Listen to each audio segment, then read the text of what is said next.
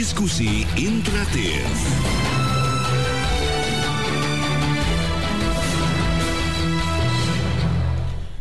Dan di sesi kedua ini bersama dengan sosiolog Unika Sugipranata, Pak Hermawan Pancasiwi, kita masih membahas adanya penolakan rencana pemberlakuan PPKM level 3 pada libur Nataru. Bagaimana langkah terbaik pemecahannya? Pak Hermawan, salam sehat selalu. Selamat pagi. Amin, selamat sehat, salam sehat ya, Ki. Ya, Pak Hermawan, bagaimana Anda menilai ke penerapan level 3 nih, kebijakan penerapan level 3 untuk seluruh Indonesia saat Nataru nanti? Betul. Iya, saya saya saya lihat itu sesuatu yang baik. Satu, bukan bukan menggeneralisasi semua, tetapi memang harus dilakukan itu karena ada dua alasan. Satu adalah bahwa kita pernah punya pengalaman libur panjang empat sampai beberapa kali, empat kali, dan ternyata setelah libur panjang itu selalu terjadi lonjakan yang luar biasa. Bahkan kemarin terjadi pada Juli yang baru lalu. Yang kedua adalah bahwa pandemi benar-benar belum berakhir dan kita tahu di Eropa luar biasa lonjakannya karena karena orang-orang sudah pada lalai. Bayangkan saja satu satu contoh konkret Austria Austria itu uh, vaksinasinya sudah uh, mencapai 68 katanya terendah itu itu mengalami luar biasa bahkan yang tertinggi seperti Jerman itu juga luar biasa kenaikannya. Jadi memang kita tidak bisa main-main dan satu sikap satu kebijakan pemerintah menerapkan level 3 selama dua, dari 24 Desember sampai 2 Januari itu sesuatu yang sangat tepat menurut saya. Jadi kalau misalnya kata epidemiolog Pak dari UI misalnya mengatakan bahwa di, jangan dipukul rata karena kondisi daerah beda-beda dan sebagainya. Betul bahwa kondisi daerah beda-beda tetapi tetapi apa namanya uh, daripada kita harus membedakan satu dengan yang lain lalu terjadi diskriminasi nanti macam-macam dan sebagainya uh, menurut saya kali ini kali ini kita karena Nataru ini akan menjadi sesuatu yang sesuatu yang dicari ditunggu-tunggu maka perlakukan saja level 3 dan itu kali ini kali ini sudah pemerintah yang me, dari pusat yang menetapkan itu dan harus dilaksanakan di daerah menurut saya seperti itu ya tetapi kan ini penetapan uh, level 1 dan 2 ini hampir di seluruh Indonesia Pak. Dalam artian ini masyarakat lagi mulai uh, bangkit-bangkitnya ekonomi tetapi tiba-tiba di saat akan bangkit langsung dinaikkan semua ini serentak level 3. Apakah ini adil Pak? Sebetulnya tidak apa-apa karena karena berlaku untuk semuanya dan kita sama-sama seperti saya katakan tahu tadi bahwa kita pernah punya pengalaman libur panjang itu selalu berbahaya. Sementara sementara setiap hari setiap hari masih saja ada kasus positif baru meskipun meskipun jumlahnya semakin melandai. Artinya artinya bahwa yang namanya uh, covid itu masih pandemi itu masih masih ada di tempat kita jadi yang eh, dalam bahasa Latin dikatakan ex minimis maxima dari hal-hal besar itu biasanya muncul dari hal-hal kecil jadi sekarang pemantik benih itu masih ada. Kalau itu dibiarkan dan kita lalai, kita lalai, maka yang namanya uh, benih kecil itu akan tumbuh menjadi besar dan dan bisa tak terkendali seperti yang terjadi di beberapa negara Eropa. Ini fakta yang tidak bisa ditolak. Jadi kalau kita dikatakan bahwa oke okay, kita sudah krekel-krekel, sudah mulai merintis bangkit dari eh, dari keterpurukan dan sebagainya dan sebagainya betul. Tapi sekarang sekarang saatnya untuk berani prihatin kadang dua minggu ya seminggu lebih gitu ya ya sekitar seminggu gitu untuk untuk itu semua dan nanti setelah itu saya kira saya kira pemerintah akan kembali uh, memberi memperlakukan itu seperti sebelum 24 24 Desember artinya kalau daerahnya itu ternyata baik dan sebagainya setelah tanggal 2 Januari akan ditetapkan kembali statusnya sebagai level 1 atau level 2 seperti seperti adanya seperti itu gitu. Tapi justru ini kan yang dilarangnya ini kan waktu-waktu yang benar-benar ah, setiap betul. tahunnya kan uh, membuat ekonomi menjadi meningkat loh Pak. Iya memang seperti misalnya kalau kita bicara tempat wisata, kayak Bali dan sebagainya dan sebagainya ya itu kita harus akui itu uh, karena karena orang-orang berwisata itu. Tapi justru kan kita sama-sama tahu di tempat-tempat seperti itulah di tempat-tempat seperti itulah sering kali di serbu oleh pengunjung oleh wisatawan, disebut oleh orang untuk uh, relax dan sebagainya. Dan satu hal, ini secara psikologis kita sama-sama merasakan.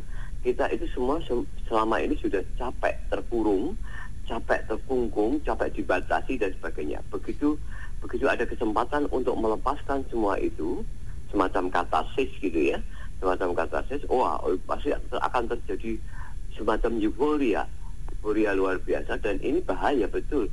Kita sama-sama tahu deh sekarang kemacetan lalu lintas di Jakarta luar biasa, juga hmm. di Bogor dan sebagainya. Saya, saya percaya di Surabaya, di Semarang dan di kota-kota besar lainnya juga sama. Karena itu terus terang sekali lagi ya sudah kita pastikan bahwa seperti ini. Jadi diperlakukan level 3 seperti dulu, level 3 itu seperti apa, dan betul-betul ada pembatasan kegiatan sementara gitu. Saya, menurut saya kok seperti itu gitu. Ya, tetapi kan eh, pada akhirnya kan masyarakat seperti tadi disampaikan sebelumnya ya eh, di sesi sebelumnya dikatakan loh waktu di awal-awal masyarakat diminta agar vaksin pak. Uh, ketika vaksin itu nanti masyarakat bebas uh, ke mana pun. Yang penting apa namanya tetap dengan protokol kesehatan. Nah ini sekarang kok aturannya ada aturan lagi kita dilarang lagi. Padahal sudah mulai menurun levelnya juga sudah uh, satu dan dua. Uh, bagaimana penjelasannya pak? Vaksin yang vaksin lengkap artinya dua kali di Indonesia itu sejujurnya sejujurnya itu masih di bawah 40 persen vaksin pertama memang 40% lebih dan sebagainya. Dan itu masih jauh dari cakupan yang semestinya sekitar 70%. Memang Presiden mengatakan akhir tahun ini di, harus dikejar supaya vaksin lengkap dua kali itu 70% atau seperti itu. Bayangkan sekarang, saya kata negara-negara yang melonjak luar biasa itu divaksin berapa kali? Eh, berapa persen sudah? Oh sudah di atas 80 persen sudah rata-rata. Kecuali Austria, Austria yang saya katakan sekitar 68 persen. Ini menunjukkan apa sebetulnya? Vaksinasi itu bukan menjadi satu-satunya tameng bagi kita untuk menghadapi COVID itu. You know? Kalau memang mereka mengatakan, bukan kami sudah divaksinasi dan kami siap dengan protokol kesehatan, siapa yang menjamin? Siapa yang menjamin? Terus terang, terus terang sekarang itu yang namanya orang itu sudah mulai cuek. Mereka mas, memang masih mengalungkan yang namanya masker, tetapi mereka tidak memakainya dengan benar. Saya juga termasuk sering kali seperti itu ya, saya akui seperti itu. Ini terjadi di mana-mana. Bayangkan kalau misalnya kemudian nanti pada nat, pada libur Nataru itu, libur tahun baru khususnya, itu nanti akan apa namanya terjadi seperti itu. Uh, dilepaskan, dibebaskan, maka saya bayangkan orang akan akan melakukan seperti apa uh, kerumunan-kerumunan di mana-mana. Hmm. Dan salah satu yang yang khas hmm. dari tahun baru ini adalah tidak boleh ada pesta kembang api, pesta mercon karena pengalaman kita biasanya tahun baru itu di tempat-tempat tertentu itu akan dipenuhi dengan dengan orang betul lebih-lebih itu terjadi malam hari menjelang pergantian tahun dan itu kontrol orang terhadap jarak terhadap apa masker dan sebagainya pasti akan sangat berkurang. Menurut saya seperti itu. Hmm.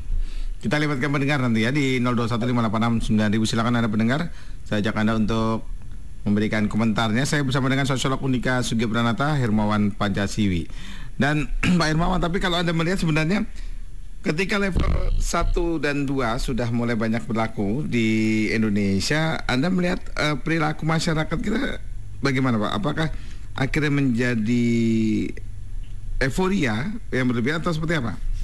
Iya, saya kira ketika itu level satu ya, ya wajar-wajar saja bahwa mereka berusaha kembali ke keadaan normal, keadaan dulu sebelum pandemi ya. Hmm. Tetapi tetap saja diharapkan dengan protokol kesehatan dan sebagainya. Tapi seperti saya katakan tadi bahwa bahwa protokol kesehatan itu belum tidak dipatuhi dengan benar dan sebagainya. Itu pertama. Sebetulnya begini, ini yang harus dipahami oleh masyarakat dengan protokol eh, level 3 ini adalah pemerintah mengharapkan kita ikut ikut berjaga, ikut hmm. vaksin hanya selama satu minggu, sekitar satu minggu. Setelah itu nanti pemerintah akan menilai kembali, menilai kembali sebetulnya bahwa tidak terjadi apa-apa atau terjadi apa-apa lalu akan diputuskan keadaan seperti apa gitu. Level level akan kembali seperti dulu sebelum level 3 diterapkan atau mungkin ada ada satu pertimbangan lain. Jadi pemerintah sekarang mengatakan bahwa level 3 yang akan diterapkan per 24 Desember ini nanti bu, belum tentu tidak diperpanjang. Artinya bisa saja diperpanjang seandainya seandainya terjadi kelonjakan artinya artinya bahwa uh, pemerintah sudah membuat antisipasi ancang-ancang itu. Jadi tergantung kita sekarang. Kalau kita sekarang level 1 dan kaget akan di level 3 kan, tetapi ingin kembali ke level 1 maka kita patuh saja hmm. patuh saja dengan pemerintah itu termasuk termasuk jika seandainya kita dari daerah yang tujuan wisata ternyata apa namanya banyak sekali orang yang datang dan sebagainya misalnya tetap lolos dan sebagainya kita harus tidak boleh tinggal diam kita harus mem, mem, ikut menjaga supaya daerah kita yang merupakan destinasi wisata itu nanti setelah setelah liburan itu dikembalikan ke level yang kemarin seperti itu. Baik. Tapi kalau terjadi lonjakan ya apa boleh buat. Gitu. Hmm. Saya menyapa tiga pendengar ya, ada Pak Aldo di Cengkareng, Pak Sudrajat di Cianjur, dan Pak Erik Sregar di Depok. Pak Aldo. Ya, selamat malam. Yudi, selamat Yo, pagi, Pak. Selamat pagi, Pak. Pak Aldo. Aduh, hmm. tidak ada yang lebih nikmat daripada pagi-pagi mengkritik pemerintah itu nggak ada yang lebih nikmat. Jadi gini, hmm. um, uh, tadi Pak Hermawan juga bilang bahwa di Eropa itu uh, vaksin tingkat vaksinasinya jauh lebih tinggi daripada Indonesia. Iya. Hmm. Uh, kita juga bertanya-tanya di sini kenapa kok kita bisa landai ya? Apakah Indonesia dan saya ambil satu negara lagi India itu masyarakatnya lebih disiplin daripada masyarakat Eropa seperti Jerman sehingga kita bisa uh, lebih maju progresnya dalam hmm. awan COVID. Apakah itu? Gitu ya kita bertanya-tanya. Hmm. Dalam hati saya sendiri kita ini bohongin siapa sebenarnya? Kalau yang saya lebih masuk ke nalar saya ya adalah penjelasannya Dokter Indra saya lupa nama belakangnya siapa yang kemarin juga menjadi narasumber El Sinta juga yang mengatakan bahwa sebenarnya ini juga sudah dilakukan penelitian ilmiahnya katanya kan mm-hmm. sebenarnya di Indonesia dan di India itu sudah terjadi imunitas komunal herd immunity yeah. karena pada saat kemarin uh, kita menjadi peringkat pertama dan peringkat kedua itu bisa dibilang hampir semua kita tunjuk saja semua orang di Indonesia ini, kamu pasti punya kerabat dekat, kalau nggak bukan Anda sendiri, pasti kerabat Anda yang dekat itu terkena COVID. Iya. Jadi sebenarnya negara kita ini sudah herd immunity. Jadi saya saya pendukung pemerintah ya, tapi kita harus kasih kredit when the credit is due uh, pemerintah bilang itu adalah bagian dari uh, kerja yang baik dari pemerintahan. Enggak lah, itu semua masyarakat kita ditularin. Jadi kita sekarang ini sudah herd immunity, makanya kita landai, Pak. Kalau menurut saya. Jadi uh, diterapkan level 3 itu dasarnya juga apa juga nggak jelas. Saya setuju sekali sama yang kemarin ya, ya itu hmm. dasar jelas kenapa level 3. Uh, jadi itulah kalau uh, dari sudut pandang saya. Terima kasih Bapak-Bapak. Ya. Baik. Silakan Pak Sudrajat. Pagi Bang Yudi, Assalamualaikum. Pagi, pagi, pagi. Waalaikumsalam. Pak Edna. Dua tahun sudah bangsa Indonesia berjuang hmm. untuk melawan COVID-19. Hmm. Ya, sekarang Bapak Presiden sudah menyampaikan lagi akan menerapkan level 3 ke seluruh Indonesia. Hmm. Nah, saya setuju, setuju saja. Kenapa? Kalau maksudnya? berbicara adil dan tidak adil, saya nggak bisa menjawab. Hmm. Karena apa? Tidak bisa menjawab adil atau tidak adil. Karena pemerintah atau Bapak Presiden memberlakukan level 3 ke seluruh Indonesia untuk menyelamatkan bangsanya. Gitu. Hmm. Jadi saya mengerti gitu untuk menyelamatkan menghindarkan racun aib yang tidak kelihatan mata. Jadi untuk menyelamatkan warga Indonesia. Nah, saya setuju. Oke. Masalah adil tidak adil makanya saya tidak. Baik, oke kita sudah menangkap poin ini ya. Oke Pak Erik, silakan Pak Erik. Pak Erik Siregar. Pak Erik, terputus samakan dengan Pak Erik ya. Oke ditanggapi dulu Pak Iya. Hermawan. Pertama tadi Pak Alo ya. Ya Pak Aldo. Eh Pak Aldo, betul Pak Aldo. Tidak hanya Dr. Iwan, tetapi epidemiolog dari Griffith University, Diki Budiman juga mengatakan bahwa inilah yang disebut sebagai eh, apa namanya imunitas imunitas alami.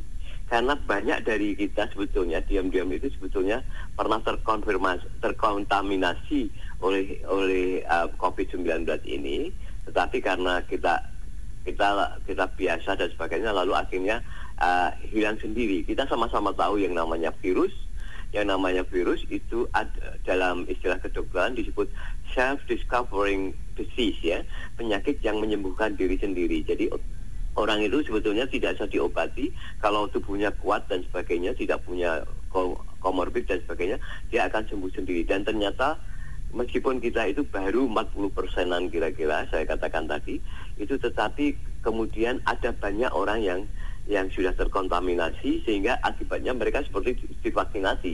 Dan dan ini ini benar. Kita lalu menjadi herd immunity. Tetapi tetapi kita be- be- belajar dari Eropa dari negara-negara di Eropa. Mereka itu sudah sudah dua kali di dua kali di apa namanya divaksinasi. Dan itu sebetulnya juga upaya untuk menciptakan herd immunity. Secara teoritis memang sudah terjadi komunitas imunitas kelompok imunitas kelompok kita sama-sama tahu itu tapi toh masih bisa masih bisa. Apalagi sekarang ditengarai ada varian baru setelah delta. Ya kita tidak pernah tahu itu. Katanya memang katanya varian baru setelah delta itu itu belum tahu belum sampai ke Indonesia. Kita berharap tidak. Saya kadang-kadang khawatir sebetulnya karena besok awal Desember ini sampai saya tidak tahu kapan lupa itu akan a- kita menjadi tuan rumah G20 G20 pertemuan G20 baik di Jakarta maupun di Bali. Itu kan berarti bahwa ada kemungkinan banyak orang masuk ya. Seperti meskipun sekarang Bali juga sudah terbuka untuk turis asing dan Hmm. sebagainya. Nah ini yang harus harus kita waspadai betul. Karena terus terang seperti saya katakan tadi segala sesuatu yang besar itu dimulai dari hal yang kecil sekali api membesar membakar rumah itu dari percikan api. Jadi ex minimis maxima ini sesuatu yang harus harus kita kita waspadai menurut saya. Seperti itu. Berarti dalam artian kalau eh, Pak Ananda mengatakan kalau pandemik ini sudah bersolusi ria dengan segala kebijakan berarti pandemik ini sudah selesai dan tidak apa-apa. Jika pandemik masih ada apa-apa apa-apa artinya kebijakan yang sudah dilaksanakan tidaklah begitu berarti Pak untuk masyarakat bangsa ini maka tidaklah heran jika pemerintah selalu memperpanjang yang tidak pernah berkesudahan. Apakah ini artinya pemerintah dalam tanda kutip tidak becus Pak? Hmm, Terus ada juga Pak Agus di Tangerang. Aturan PPKM boleh, tapi jangan disamaratakan dong. PNS, aparat sama rakyat biasanya harusnya dibedakan soal hal itu. Oke, saya sapa juga eh, ada Pak Frans Siregar di Kelapa Gading. Pak Frans. Assalamualaikum warahmatullahi wabarakatuh. Waalaikumsalam Pak. Salam Salam hormat Pak Panca. oke Hermawan Pancasiwi. heeh. Iya Pak Ermawan Pancasiwi. Iya kalau saya ya mau ini untuk berpendapat. Hmm. Buat saya ini pemerintah ini mengeluarkan keputusan yang sulit dari pilihan yang sulit juga ini Bung. Duh, keputusan yang sulit dari pilihan yang sulit. oke betul Hmm. Kalau terjadi pro kontra begini saya rasa itu udah pasti. Hmm. Karena datang dari latar belakang pemikiran yang berbeda. Kan begitu. Ya. Kalau pemerintah berpikirnya tentang keberlangsungan sebuah negara, kalau kita sebagai rakyat biasa ya keberlangsungan hidup. Hmm. Kan begitu, Bung? Ya. Jadi kita ya semoga ada jalan keluar yang baik lah. Jalan tengahnya lah, Bung. Karena begini, Bung, kalau kita lihat di bawah ini, pelaku-pelaku atau pedagang-pedagang apa pun yang diperjualbelikan bisa merasakan keuntungan yang bagus itu ketika momen-momen tertentu kan, Bung? Betul. Nah, jadi ini pukulan sangat telak, Bung, ketika momen ini ada keluar kebijakan yang seperti ini. Pasti sangat terpukul. Hmm. Dan itu tidak bisa dipungkiri gitu. Tapi itu yang manusiawi buat saya karena kalau tidak momen-momen tertentu para pedagang, pengusaha ya, apa pun yang diperjualbelikan mereka tidak bisa merasakan keuntungan yang baik gitu atau yang bagus gitu ya kan. Hmm. Datar-datar aja gitu. Karena momen-momen di, di negara kita ini kan ada di besar cuti-cuti panjang kan gitu, long weekend gitu ya. Hmm. Dan di bawah ini Bung sebenarnya sudah terjadi banyak apa namanya peralihan-peralihan kontrak ya.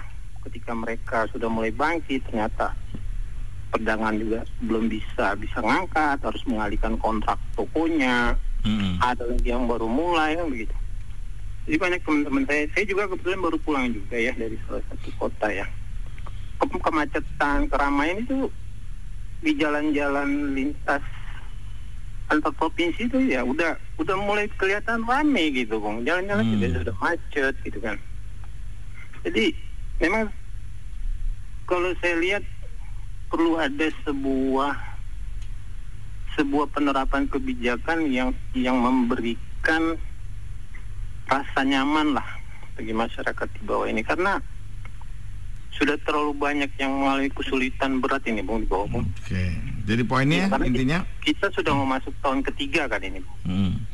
gitu ya jadi kita doakan saja lah supaya pemerintah kita ini dalam menerapkan kebijakannya memberikan rasa nyaman lah buat kita sebagai warga masyarakat Indonesia ini bung ya baik. Itu aja, Oke, Bung. terima kasih. Assalamualaikum warahmatullahi wabarakatuh bung Waalaikumsalam. Pak Hasan di Subang lalu nanti disusul Pak Dardi di Kerawang. Yuk silakan Pak. Selamat pagi El Sinta. Pagi Pak. Selamat pagi dengan Pak Hermawan. Mohon izin nih Ya, Pak, saya selamat pagi. mundur Mari, mari, komentar mari. nih Pak. Hmm.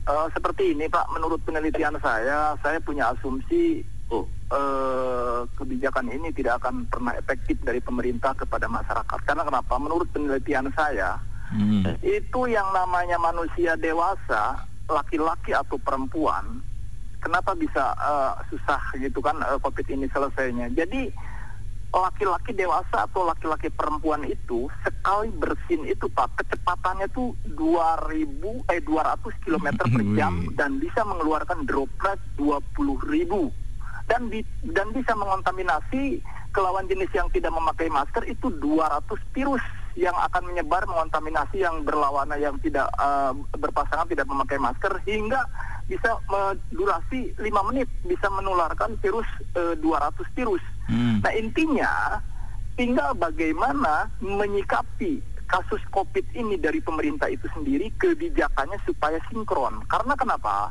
Kalau saya cermati, saya perhatikan pemerintah belum bisa memberikan eh, kepuasan secara kebijakan. Walaupun memang saya akui kebijakan pemerintah apa pun sebaik apa pun itu sudah dievaluasi, apa dievaluasi, dikaji dikaji dengan baik sehingga bisa eh, membuat sebuah sinkronisasi kepada masyarakat. Tapi poin yang terakhir Mas Yudit, Hmm. saya berharap kepada Joko Pak Jokowi ya eh, untuk level 3 ini kalau menurut saya tidak usah dipermasalahkan karena kenapa? Sebagian besar masyarakat bahwa Covid ini sudah tidak ada. Nah, coba kalau memang mau mencermati masalah Covid ini agar segera selesai, coba deh dilihat ke pelosok-pelosok seperti di Subang, seperti Hmm. biasa-biasa aja landai. Tapi bukan berarti ini masalah remeh-temeh, tapi ini masalah serius yang mesti dibenahi oleh pemerintah dan intinya tahun baru Nataru itu pasti akan ada kasus membludak karena kenapa? Intinya bakal ada orang-orang berkerumun dan yang terakhir Mas Yudit, Hmm. mudah-mudahan masyarakat Indonesia semua berdoa semua diberi kesadaran dan Allah memberikan sebuah keajaiban untuk eh, negeri eh, negeri ini lebih baik lagi untuk kita bersama demi kesejahteraan Baik. rakyat Indonesia dari Sabang sampai Merauke. Terima kasih Elvita, terima kasih narasumber. Baik. Assalamualaikum warahmatullahi wabarakatuh. Oke. Salam. Pak Dardi Kerawang silakan Pak Dardi. Selamat pagi Mas Yudit. Hmm. Ya, Pagi. Selamat pagi Pak Dadi. Pak Hardi nih ya, bukan Pak Dardi ya. Oh Pak Hardi. Hmm. Gimana kabarnya semua sehat ya Pak ya? Baik. Amin amin amin ya sehat. Ya istilahnya dari mana ya Mas Yudit? kita mengatasi orang pintar sudah banyak, dokter, profesor, kerjaannya apa gitu, nggak bisa bersatu atau gimana ya? Karena orang bodoh yang makin bodoh, orang pintar makin keblinger gitu ya istilahnya. Pak Presiden bilang, mari kita berdampingan dengan COVID. Hmm. Kita berjalan, speednya juga berjalan. Karena tidak ada satupun yang mampu mengatasi barang yang hal yang tidak nampak. Jangankan yang abstrak, yang konkret pun banjir di Jakarta nggak pernah selesai. Itu contoh konkret. Terus belum di mana-mana. Ini barang yang nampak aja untuk menyelesaikannya. Baik data maupun masalah yang apa terkendala semua eh, belum tidak ada yang tidak bisa terselesaikan. Tapi yang saya minta ya dengan ppkn yang level ketiga ini, sebenarnya ya aktivitas ini makan masih berjalan tukar sendok, bakso di warung itu masih aktif gitu ya. Gimana acara mengatasi orang yang penurunan yang berang tidak nampak sedetil apa pun ya, tapi tetap susah. Yang penting, kata saya sering bilang itu, atasi yang kena, kubur yang mati, itu aja tangani. Yang sehatnya kita mas, mari kita uh, sembuhkan gitu ya. Yang sehat, mari kita suruh dia beraktivitas karena Mas Sudit, Hmm. satu keluarga misalkan lima orang, masa orang sakit satu pan ketahuan, masa semuanya lumpuh semua, mesti diam semua, ini kan nggak begitu, ini makhluk hidup kan makhluk sosial. Hmm. Dunia ini harus harus di apa eh, diaktivitaskan bukan didiamkan. Kita mari kita berusaha dengan secara langkah konkret yang abstrak ya gunakanlah teknologi secanggih apa pun gitu ya. Yang penting manusia- kata tadi Pak Jokowi, ya, mari kita berdampingan. Intinya begitu, nggak usah istilahnya individunya. Ya tugas pemerintah secara mengatasi secara yang ber, ber- apa berbau massal tingkatnya bernasional itu yang harus dicegah hentikan. Bahkan presiden sendiri mau mengatakan eh, luar negeri mau dikumpulkan di, di negara kita sendiri. Itu maksudnya apa? Gitu sedang keadaan kita krisis bukan mengatasi yang kecil malah mengadakan masalah besar krisis yang ba- tambah besar. Belum istilahnya ekonomi kita makin labil. Hmm. mengatasi penyakit kita masih belum bisa. Ayo kita merasa bangga menjadi tumpuan harapan orang-orang ditunggu dikumpulkan di sini. Kok ini aneh gitu ya? Yang jelas eh, istilahnya mari kita pemerintah itu secara konkret lah bukan secara eh, ingin cari nama populer lah. Terima kasih Mas Didit. Baik. Oke, silakan ditanggapi Pak Ini, Hermawan. ini uh, an- ini suara masyarakat betul, gambaran masyarakat kadang tapi kadang-kadang ya saya harus bilang apa ya, tapi satu hal yang menarik adalah begini.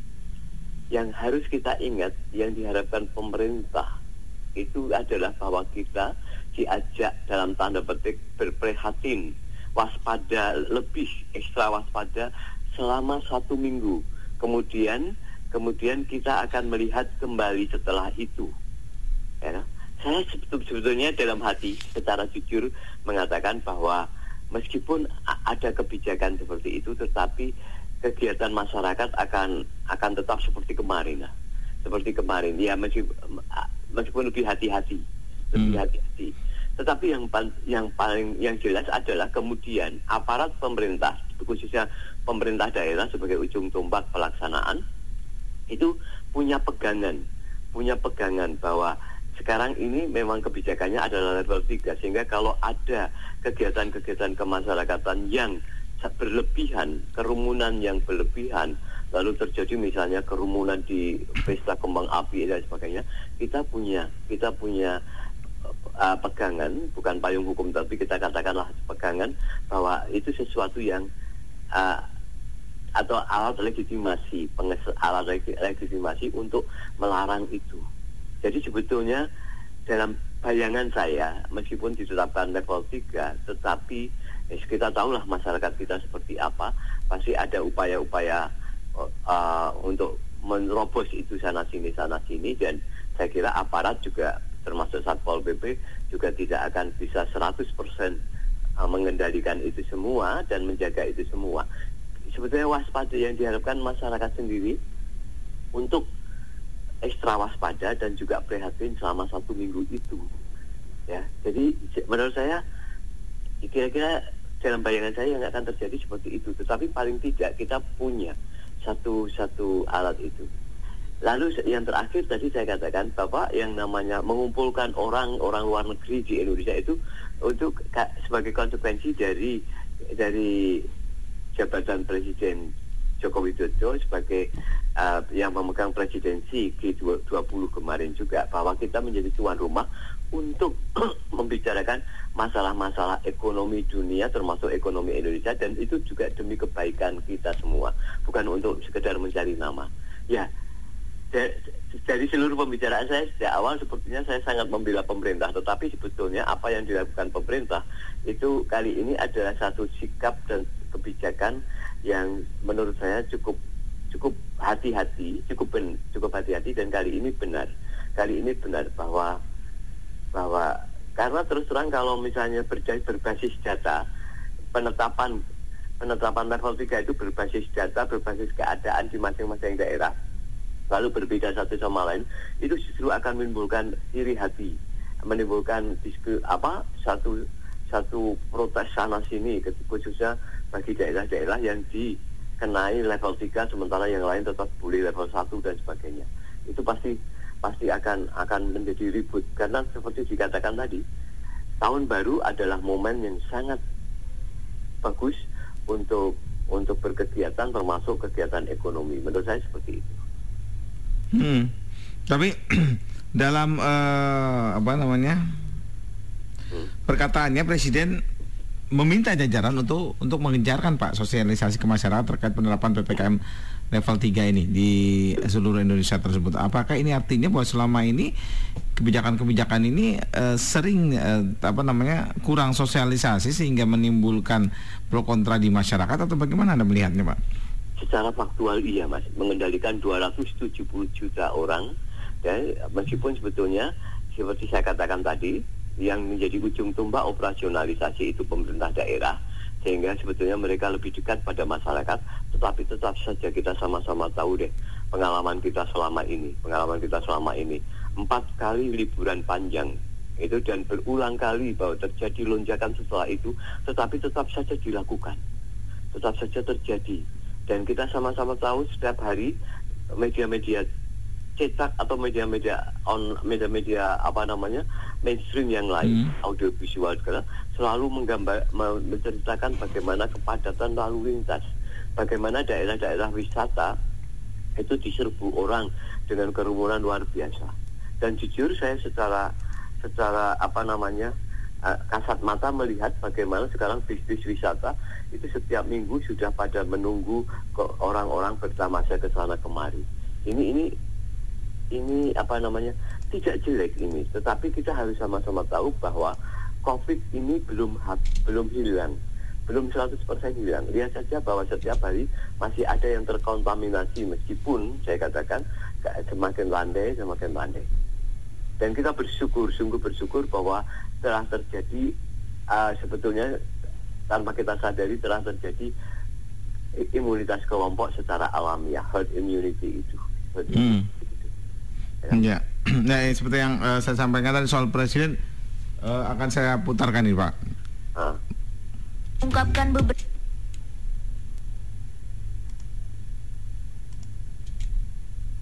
di seluruh Indonesia pada saat Natal dan Tahun Baru ini agar dikomunikasikan dengan baik kepada masyarakat. Sampaikan mengenai perkembangan kasus-kasus eh, kenaikan kasus yang ada di Eropa ini penting sekali sebagai sebuah background dari keputusan yang uh, akan kita ambil. Karena memang ada beberapa yang menolak pemberlakuan PPKM level 3 ini karena memang menginginkan situasi menjadi normal kembali, tapi kita harus ingat bahwa apa pun, utamanya ini pariwisata di Bali, memang terdampak paling dalam, tetapi juga perlu dijelaskan bahwa apabila situasi tidak terkendali justru akan memukul balik ekonomi dan pariwisata kita. Hmm, Bagaimana Anda mencermati apa yang disampaikan oleh Presiden ini Pak? saya bisa memahami betul juga juga seandainya ada keberatan di Bali ya. Karena terus terang 8 tahun saya pernah bekerja di Bali ketika mahasiswa dan setelah mahasiswa dulu. Dan Hmm. 8 tahun itu saya juga melihat bagaimana sebetulnya momen tahun baru misalnya itu menjadi momen yang panen bagi orang Bali terus terang pada waktu itu. Sehingga mereka berharap bahwa ini menjadi tahun baru pertama tahun baru pertama setelah setelah COVID itu. Seandainya seandainya mereka dianggap bahwa telah normal. Tapi ini keadaan belum bisa dikatakan normal. Lalu juga, sebetulnya daerah-daerah wisata domestik pun demikian juga sebetulnya. Jadi saya bisa memahami betul apa yang dikhawatirkan oleh presiden. Karena terus terang yang di Eropa itu Jerman, Australia, Aus- Austria, Inggris dan sebagainya itu bukan sesuatu yang dibuat-buat tapi nyata ada. Nyata ada. Bahkan sebetulnya di negara-negara tetangga kita negara jiran Singapura, Malaysia, ya itu juga terjadi sebetulnya lonjakan-lonjakan itu. Dan mereka itu sebetulnya orang-orang yang vaksinasi negara-negara yang vaksinasinya sudah sangat tinggi, tapi toh tetap kena, tetap kena. Ya, kalau kita katakan bahwa bangsa kita, bangsa kita, fis, kondisi fisik bangsa kita itu memang kondisi fisik yang apa namanya tegar kita, kita akui ya tidak karena apa karena kita memang terbiasa dengan dunia dunia apa kegiatan-kegiatan orang-orang kebanyakan gitu ya orang-orang sederhana dan sebagainya sehingga lalu imunitas alam kita itu tumbuh gitu itu iya itu anugerah Tuhan anugerah Tuhan tapi tetap kita harus hati-hati menurut saya ya kita harus hati-hati menurut saya gitu. Tapi saya yakin apa Pak? Ini nanti akan dipatuhi atau dilaksanakan oleh masyarakat. Iya. A- apa namanya paling tidak pemerintah itu baik itu uh, baik itu pemerintah pusat maupun pemerintah daerah itu harus punya pegangan pegangan apa alat legitimasi ketika terjadi misalnya di saat itu lalu ada kerumunan luar biasa dan sebagainya mereka punya punya alat yang sah punya yaitu hukum itu tadi peraturan itu tadi untuk bisa mengatur kalau toh tidak dikatakan tidak membubarkan ya paling tidak mengatur dan sebagainya level 3 itu kan bukan bukan lockdown Hmm. ya toh? Level 3 itu masih boleh ada kegiatan sana sini dan sebagainya tetapi sangat dibatasi kan seperti itu Iya dibatasi dengan aturan 50 persen. Tapi kan eh, bagi daerah-daerah yang belum lama misalnya mendapatkan eh, level 2 dari level 3 ke level 2 ini kan menjadi sangat pukulan sekali Pak. Apalagi yang eh, tadi Anda katakan seperti Bali lah misalnya Pak. Ini kan baru mulai akan bergeliat gitu. Ya, saya bisa memahami itu. Saya bisa memahami bagaimana kecewa itu ada pada mereka yang baru saja senang, gembira dengan yang namanya penetapan level 2, level 1. Tetapi sekali lagi, ini berlaku satu minggu untuk dievaluasi. Dan ini harapan pemerintah, permohonan sebetulnya bangsa ini. Tidak hanya pemerintah, tapi seluruh seluruh bangsa ini ber- bermohon kita berkor, berkorban selama satu minggu untuk waspada lebih, untuk prihatin dan sebagainya. Sebetulnya setelah itu nanti akan ada evaluasi. Kalau ternyata gejolak apa namanya peningkatannya itu tidak tidak melonjak sangat tidak sangat melonjak dan sebagainya, pasti ada kebijakan-kebijakan baru yang disesuaikan dengan daerah masing-masing. Tapi seperti saya katakan bahwa ya seperti seperti, seperti saya katakan bahwa tahun baru khususnya tahun baru itu apa namanya menjadi momen yang yang di mana-mana orang berpesta, di mana-mana orang ingin keluar, di mana-mana orang ingin berkumpul dan sebagainya. Sebetulnya kalau dikatakan itu juga akan berdampak pada umat Kristiani yang akan Natalan karena disebutkan di situ bahwa peribadatan Natal itu juga sangat dibatasi, sangat dibatasi dan sebagainya. Saya kira saya kira gereja-gereja tidak begitu sulit untuk mengatur itu ya, termasuk mungkin terjadi apa meskipun tidak bukan lagi tidak lagi online, Hmm. tidak lagi online, tapi tidak begitu sulit. Dan untuk tapi sekarang yang kita pikirkan adalah tahun barunya itu sebetulnya. Ya, tapi eh, selain tahun baru ini kan juga eh, yang menjadi kembali lagi nih Pak yang menjadi di dunia bisnis ya. Kecuali eh, apa yang eh, bisa dilakukan oleh pemerintah dalam artian oke lah eh, tidak boleh tapi harusnya ada kompensasi-kompensasi tertentu yang diberikan bagi para dunia eh, usaha ataupun pariwisata kan? Ya kalau misalnya mereka berharapkan kok kalau orang-orang dari tingkat dari level bukan menengah ya, eh bukan bawah ya, tapi ke atas menengah ke atas itu ya kalau minta kompensasi ya kebangetan mas karena terus terang mereka diminta untuk untuk berkorban untuk berkorban demi seluruh bangsa dan selama satu minggu apa sih susahnya karena toh mereka sudah makan yang justru dipikirkan itu begini biasanya akan muncul pedagang terompet lalu orang-orang kecil di sekitar tahun baru yang mengais rezeki dengan memanfaatkan momen tahun baru dan sebagainya. Itu yang barangkali perlu dipikirkan. Tapi saya tidak tahu bagaimana caranya karena ini lalu menjadi rumit, menjadi rumit dan itu silahkan orang-orang pandai yang yang untuk mengatur itu. Tetapi kalau misalnya apa hotel-hotel di Bali lalu terus tempat-tempat wisata yang yang mahal dan sebagainya yang selalu ada tax and service 10 persen, hmm. yang 21 persen masih minta kompensasi untuk untuk keprihatinan selama seminggu itu ya saya kira saya kira berlebihan menurut saya. Tapi yang perlu dipikirkan memang mereka yang dari ke yang dari dari orang-orang bawah yang jual trompet dan sebagainya hmm. seperti itu. Saya setuju kalau yang itu. Hmm. Tapi kan mereka-mereka itu kan juga mempekerjakan Pak masyarakat ya. Eh, dalam artian ketika mereka tadinya sudah level 1 level 2 kan uh, bisa lebih banyak menarik tenaga kan tenaga uh, kerja tapi dengan diterapkan level 3 artinya kan menurun lagi nih Pak tenaga kerja yang harus dipekerjakan uh, Mas Yudi, kita sama-sama tahu kita hampir dua tahun ini mengalami itu dan pada awal-awal pandemi itu ketika perusahaan-perusahaan mulai kolaps dan sebagainya, mereka dituntut untuk ya dituntut untuk tetap tetap membayari karyawan meskipun hanya setengah dan sebagainya. Hmm lalu merumahkan tetapi juga tetap harus memberi kompensasi dan sebagainya. Mereka bisa dan itu berlangsung sekian lama, berlangsung cukup lama berbulan-bulan. Nah sekarang harapannya dalam satu minggu seandainya itu terjadi, seandainya itu terjadi, apa apa sulitnya sih bagi perusahaan-perusahaan besar, bagi misalnya usaha-usaha pelaku-pelaku ekonomi besar, atau bahkan kalau tak sudah besar ya menengah ke atas dan sebagainya. Tidak sulit sebetulnya untuk mengatakan seperti itu. Bahkan apa namanya? Jadi uh, begini menurut saya kalau boleh saya katakan biarkan saja apa yang di apa, apa tadi dikatakan ada gini pengambilan keputusan sulit di di antara pilihan-pilihan sulit ya kan? atau hmm. katakan minus malum ya ketika semua pilihan jelek kita harus memilih yang paling sedikit jeleknya oke okay. yang sedikit jelek tetap jelek tetapi paling apa namanya dihitung-hitung inilah yang paling sedikit kejelekannya. Ini namanya pilihan minus malum. Dan sekarang level 3 ini seperti pilihan minus malum itu. Artinya ketika semua pilihan sulit, ketika pilihan jelek, ya sudah kita ambil pilihan yang paling sedikit jeleknya, minus malum. Sudah.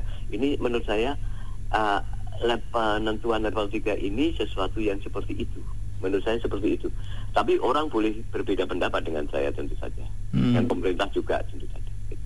Hmm, berarti ini uh, apa pengambilan keputusan kebijakan dari beberapa pertimbangan untung ruginya dan yang diambil adalah yang uh, banyak untungnya bagi nanti ke depannya uh, bangsa ini terhadap pandemi ya Pak. Meskipun tetap juga tidak mengenakan, ya kan? hmm. ya.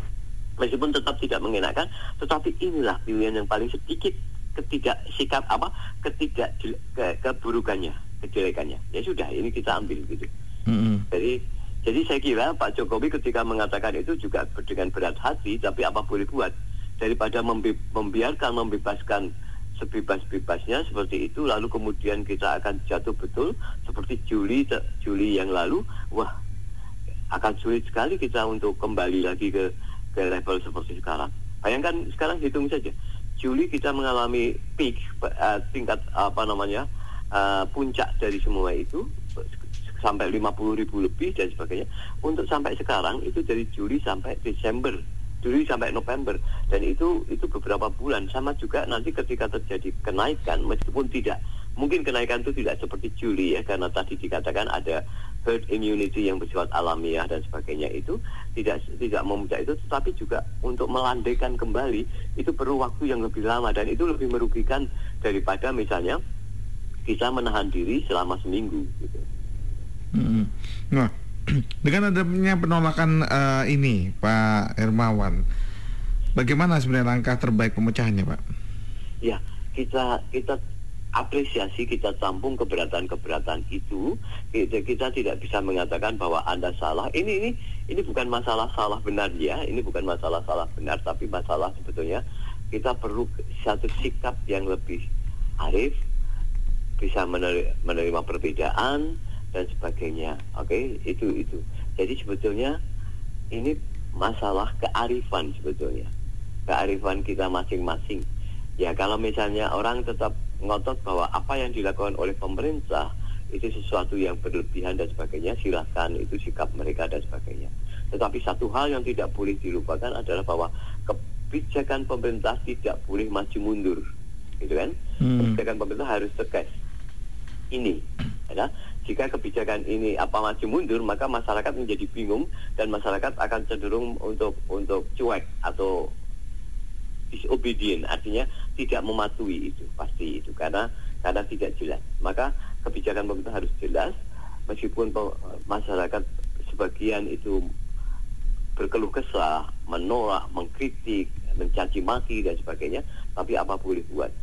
Saya, saya katakan tadi ketika semua pilihan jelek kita ambil kebijakan yang paling sedikit jeleknya dari semua pilihan itu yaitu ini disebut sebagai pilihan minus malum tapi apa yang harus dilakukan oleh masyarakat, eh, pemerintah maksudnya?